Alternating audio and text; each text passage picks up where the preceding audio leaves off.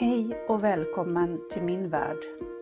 Podden för dig som vill veta mer om byggvärlden. Här kommer jag dela med mig av mina erfarenheter, vad du behöver veta om du ska bygga nytt eller renovera ditt hus. Välkommen till Fråga Byggkonsulten. Mitt namn är Eva Karlsson.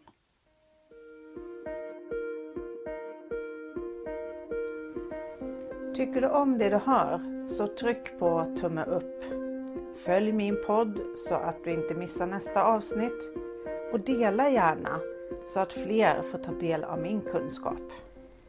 I det här avsnittet fortsätter vi att prata detaljplan.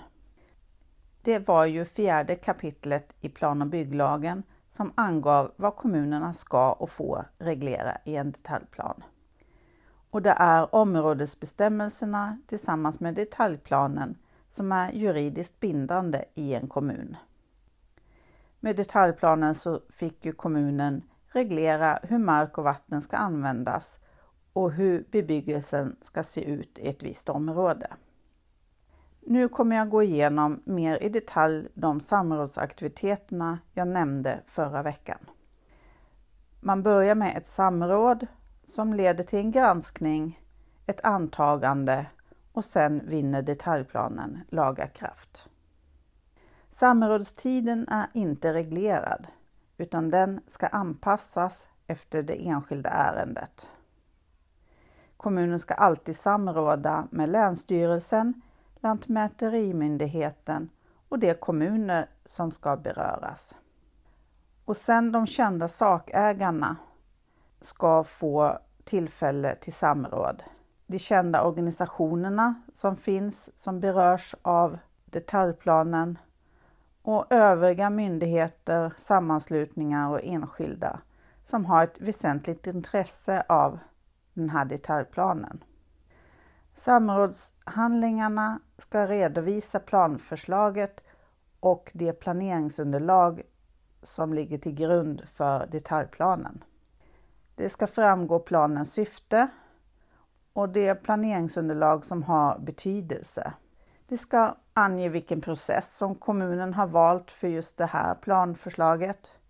Om det är ett standardförfarande, ett begränsat standardförfarande eller ett utökat förfarande. Planprogrammet ska också ange om kommunen har avsett ingå exploateringsavtal eller genomföra markanvisningar. Det krävs en underrättelse inför granskning. Det ska framgå var förslaget finns tillgängligt för granskning och hur lång granskningstiden är. Det ska även framgå vart man ska lämna sina synpunkter på förslaget och till vem man ska lämna dessa synpunkter. Det ska även finnas information om att den som inte senast under granskningstiden har lämnat någon skriftlig synpunkt kan förlora rätten att överklaga beslutet när planen är antagen. Kommunikation är viktig och den här underrättelsen ska anslås på kommunens anslagstavla. Senast samma dag som underrättelsen sitter på anslagstavlan ska även kommunen skicka ett meddelande till de kända sakägarna, kända organisationer, myndigheter, sammanslutningar och i övrigt de som har ett väsentligt intresse av planförslaget och till Länsstyrelsen, Lantmäterimyndigheten och de kommuner som berörs. Om en samrådsredogörelse har sammanställt ska även den skickas med.